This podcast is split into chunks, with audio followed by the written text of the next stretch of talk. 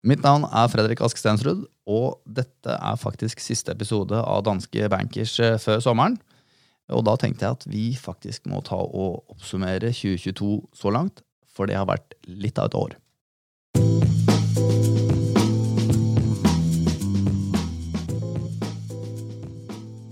Er du med meg, Anders? Jeg er med. Ja, Det har jo ikke vært uh, lite begivenheter det året her, og det kan være greit før vi går ut i uh, ferien og oppsummerer litt. Uh, hva er de viktigste tingene som har skjedd så langt? Jo, på, på førsteplass så har jeg Jeg har egentlig i dag tok, plukket ut tre overraskelser som jeg tenkte jeg skulle ta med meg. Og på førsteplassen der så har jeg tatt dette med inflasjon og de vanvittige endringene vi har sett i løpet av eh, året, bl.a. på inflasjon og fra sentralbankene. Bare for å komme med et eksempel, eh, så er jo det hvis den svenske riksbanken her går ut i, mars og sier at de ikke ventet å sette opp renten før i 2024, og så en drøy måned senere så må de altså sette opp uh, renten. Og det er da bare for å vise hvor vanvittige endringer som har kommet i løpet av året. På andreplassen så er det naturlig nok krigen i Ukraina, og ikke minst Vestens svar på Russlands angrep, som har vært eh, veldig veldig sterke og overrasket eh, meg, og jeg tror mange andre også. Og den eh, siste tredje på, og på tredjeplass, så kanskje det mest overraskende, det er hvor bra aksjer har gjort det, ut ifra de utfordringene som verden står overfor for tiden. Jeg liker når du setter opp punkter, Anders. La oss bare starte på toppen. Og hva er grunnen til at du mener inflasjon og sentralbankene faktisk har mer å si enn krigen? Jo, jeg, ehm, jeg syns at det eksempelet jeg hadde i sted Jeg nevnte jo Riksbanken og den endringen de har gjort der. Men også så sent som i september så trodde jo ikke markedet at eh, sentralbanken i USA, altså Fed, skulle sette opp renten i det hele tatt i løpet av 2022. Og nå er det da priset inn over ti rentehopp, fordelt over seks rentemøter. Det vil jo si at de må sette opp renten da med, med et halvt prosentpoeng på i hvert fall eh, fire av de seks. Og det er jo altså det er, det er noe jeg mener de ikke har gjort mer enn eh, tre ganger tidligere. og Sett opp med en halv om gangen, og nå skal de altså gjøre det da minimum fire ganger. og Det diskuteres også nå igjen om de kanskje kommer til å sette opp med en eh, trippel runde her i løpet av eh, de nærmeste månedene. Um, I tillegg så er de jo i ferd med å redusere balansen. Og, det er jo bare i USA. I Europa så er det kanskje enda mer ekstremt. altså ECB i, Europa har jo kommet trolig til å sette opp renten nå i juli. Og um, de har jo da Ehm, de har jo ikke hatt eh, positive renter på, på mange år. De har hatt eh, elleve år, år siden sist de satte opp rentene. Og det diskuteres til og med om de kanskje, kanskje de også skal sette opp med en, med en 0,5% altså en dobbel i løpet av den perioden. Så det er, eh, det er store endringer her.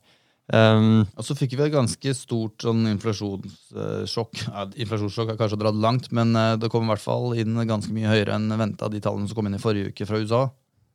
Ja, og, og det som jo var, var, det store sjokket der, det var jo det at vi hadde jo nå håpet De hadde blitt litt bedre eh, fra altså forrige runde, og så håpet vi egentlig at det skulle fortsette den trenden.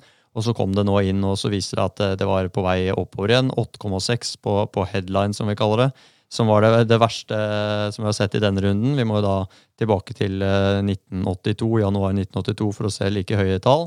Eh, og også, mm, også da på kjerneinflasjon på 6 Da har vi tatt bort energi eh, og matvarepriser, de tingene som svinger mest.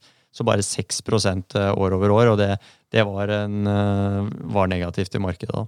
Så jeg nevnte jo det, USA har høyeste inflasjon på 40 år, og Tyskland på over 60 år.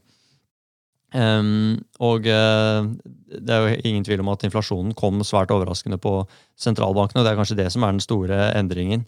Og, og jeg synes Overraskelsen her er jo at uh, sentralbankene har så lite kontroll. Uh, de, de, holdt jo fast ved dette med at de ikke kom til å sette opp rentene, og at dette var forbigående helt fram til faktisk til desember i USA og enda lenger i Europa. Og så er de da i gang med de vanvittige rentehevingene som jeg nå akkurat har nevnt. Så i mitt hode så er overraskelsen ja, inflasjon, men egentlig enda mer hvor lite kontroll og hvor vanskelig det er for uh, sentralbanken å ha oversikten. Og så ser vi at verktøyene de har, er ganske dårlig egnet til å finstyre inflasjonen. Eh, og så virker de med en ganske lang lag, som vi sier. Altså det tar lang tid fra de setter opp renten til det begynner å få konsekvenser. Så, um, så, det er en av mine to, sto, store takeaways her. At uh, sentralbankene rett og slett har mindre kontroll enn det de og vi tror. Og til alle som ønsker og, går med en liten sånn plan i magen om at man trenger mer planleggingsøkonomi, så mener jeg dette er et ganske tydelig tegn på at nei, det gjør vi ikke. Fordi uh, dette er ekstremt vanskelig å planlegge, og vi ser her hvor store endringer som er, er kommet. Altså det er nesten umulig. Og så vil jeg legge til til slutt på dette punktet, Fredrik, det er jo det at eh, Norges Bank er, har egentlig her vært best in class. Så de, de, var tidlig ute med å sette opp rentene litt. Ikke fordi vi merket sterk inflasjon i Norge, men fordi de sa at vi hadde rekordlave renter. Og de satte opp da rentene i september allerede i fjor, og var faktisk litt uh, foran der. Og de har fortsatt da gradvis å sette opp, og nå, vi at, nå vet vi at det er om halvannen uke er det rentemøte i, i Norge, torsdag i neste uke. Og da håper jeg de også da slipper å gjøre noen nye U-turns, så, så, kan de fortsette å være best in class. Ja, ok. Eh, ikke så veldig mye tillit til sentralbankene, naturlig nok. Eh, av og til så kan det nesten føles litt eh, betryggende synes jeg, da, at eh, disse ekspertene også ikke helt klarer å få det til. Det er vanskelig å operere i markedet, og det er vanskelig å spå fremtiden. Eh, på andreplass så har du satt opp krigen mellom Russland og Vesten, får vi si. Eh, for vi kan vel si at eh, Vesten har gått til krig mot Russland nå? Ja, Det er kanskje litt kontroversielt da, å, si at Vesten har gått til krig, for de har ikke erklært noe krig. Men vi kan vel si at de har gått så langt uh, mot å gå til krig som de kan gjøre uten at de faktisk kaller det krig. da. For de forsyner jo tross alt Ukraina med våpen, penger, også ganske mye informasjon og, og eh, ja, presisjon, eller ting som, som hjelper Ukraina i, i, krigen, men de har da ikke gått til det skrittet at de faktisk er en aktiv del. Men eh, det, jeg kaller det et definisjonsspørsmål. Så, mm, så ja, jeg, jeg, tror vi kan si at det er en krig mellom Russland eh, og, og Vesten. Bare en siste kommentar på sentralbanker, fordi du sier at jeg har lite tillit. Men mitt poeng er jo det, nettopp det at de, den jobben er så kompleks at vi ser at det er veldig veldig vanskelig å gjøre en god jobb som er veldig Um, altså som, som, er ned på det detaljnivået som mange liker å, å prøve på. Da. Så, og da må jeg inn på det som vi snakket om da vi hadde denne podkasten om bøker tidligere. Hvor vi snakket om at uh, dette med anti-fragile Vi må ha et system som er mindre sårbart. Og uh, min, uh, stoler mindre på liksom, at enkelte instanser skal klare å gjøre jobben for, for det som vi har hatt nå. Det er, det er, rett og slett litt kaotisk, sånn som det er i markedet. Men nok om det. Tilbake til krigen. Um, Uh, ja, jeg må igjen si at um, um, jeg er litt overrasket da, over at ikke flere så den komme. Uh, spesielt uh, europeiske myndigheter mener jeg har sovet i, i timen. Vi har gjort oss i Europa da, avhengig av russisk olje og gass. og det har vært På mange måter har man gamblet litt da, med hvor mye man har turt å, la, eller å knytte seg opp mot Russland. Eh, og eh, man, håpet var jo selvfølgelig at man ved å knytte Russland tettere til seg økonomisk, at man skulle klare å, å få dem til å unngå en krig. Men så, samtidig så har man jo da utvidet Nato nærmere og nærmere Russland. 14 land siden 1997 som er blitt medlem. Alle sammen ligger mellom eh, Tyskland og, og, Russland, litt forenklet sagt. Eh, så de er jo fratatt hele denne buffersonen som de hadde da det gamle Sovjetunionen osv. Så, videre. så jeg eh, jeg er litt overrasket over at ikke som sagt, flere så den komme, selv om ikke jeg var heller ikke i den, i den, kategorien når det er sagt. Men man har jo lest en del de siste tre månedene og sett liksom, at det, her er det mange som har, jo har tross alt eksperter som har advart uh, mot, uh, mot, dette. Og så er det jo sånn at krigen da, den er jo med på å forsterke de problemene vi snakket om med inflasjon. Vi hadde hatt problemer uansett, men, men de har virkelig uh, forsterket det. Um, og så En siste ting jeg er overrasket over i, i dette her, det er jo det hvor Eh, tøffe Vesten har vært i sine tilsvar. Russerne hadde åpenbart håpet og kanskje trodd at eh, Vesten ikke skulle gjøre det de nå har gjort. Men eh, vi har jo da for det første frosset sentralbankreservene til Russland. Og det kan nok få ganske langsiktige konsekvenser for alle andre land som også eksporterer mer enn de importerer. For de må jo parkere reservene sine et eller annet sted. Og dernest, når man da også i EU går inn på dette embargoet mot russisk olje. Eh, for eh, det her er, det, dette er jo mm, ja, akkurat sånn som det er nå, mest et spill for eh, galleriet. Men for, Hvorfor sier du spill for galleriet? Jo, Hva mener du? Ja, jeg, det, det mener jeg fordi verden er helt avhengig av den oljen som Russland eksporterer. De eksporterer 4-5 millioner fat olje om dagen, og i tillegg rundt en million, tror jeg, drøyt det, med ferdigvarer. Altså bensin, diesel og den type ting.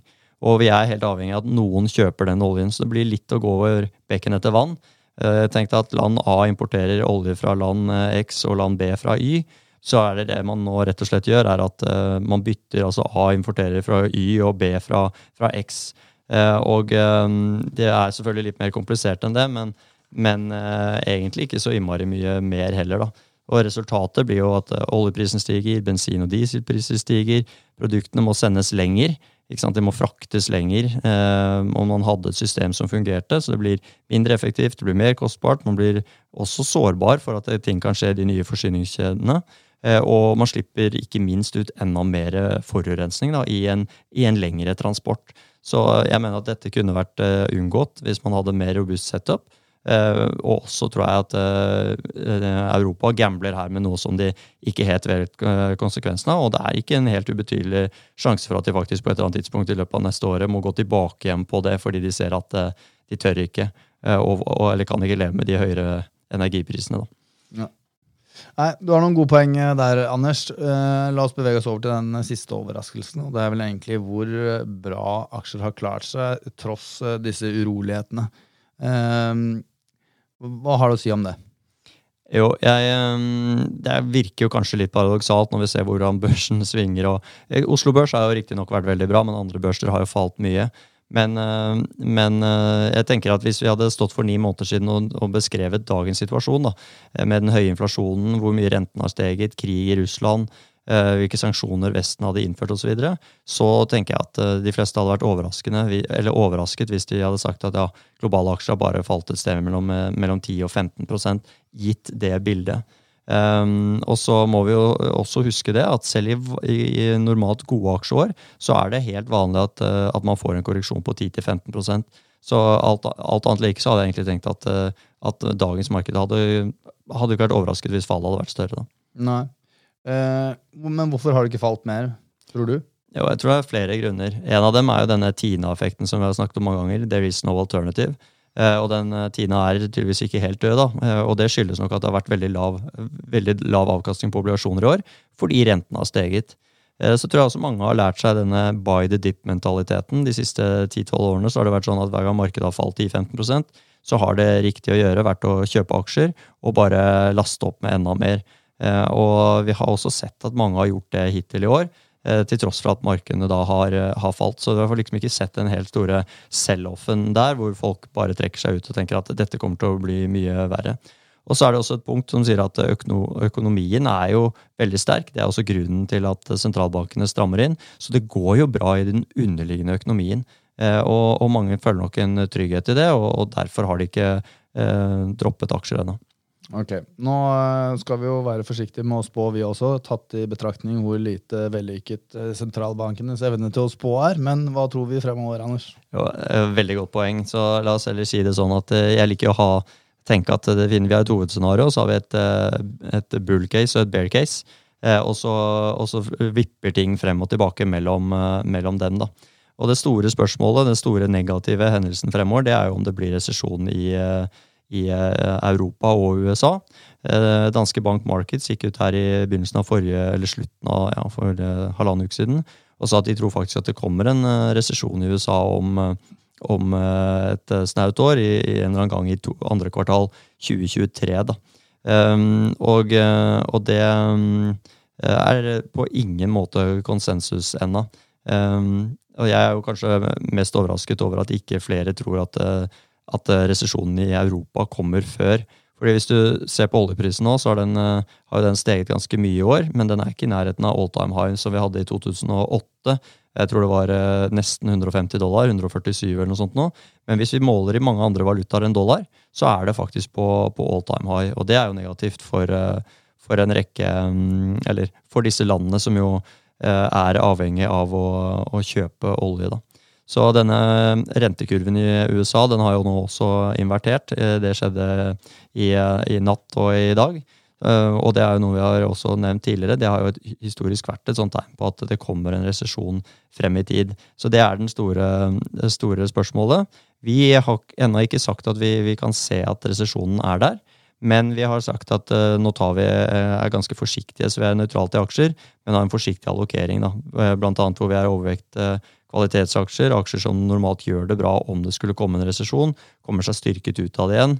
Eh, og eh, også sektorer som helse og forsyning, som normalt også gjør det bra i perioder med, med ruskevær, eh, er vi, er vi overvekt. Men så må vi også huske at det, det kan gå bra. Um, og det handler jo ikke nøyaktig om hvor vi skal, men da handler det jo om å være forberedt. Og som da hadde vår siste kvartalsrapport, så var jo den, hadde den det fine navnet 'Det finnes ikke dårlig vær'. Uh, altså, og fortsettelsen da Eh, bare dårlige klær. Eller det handler jo om å være forberedt. Så vi tenker at nå er det igjen viktig at man er eh, forberedt. Vi tror det kommer til å fortsette gjennom sommeren eh, med, med store svingninger i begge, begge, retninger.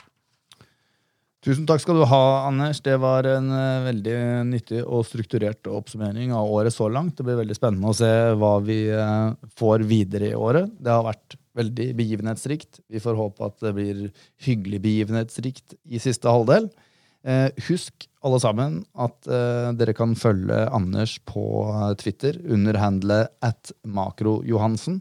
Og dere kan også følge meg på at askstensrud. Eh, og der kan dere også sende inn ønsker om ting dere mener vi bør ta opp i denne podkasten. Og da gjenstår det egentlig bare å ønske alle sammen en god sommer. God sommer, Anders. God sommer. Ha det godt.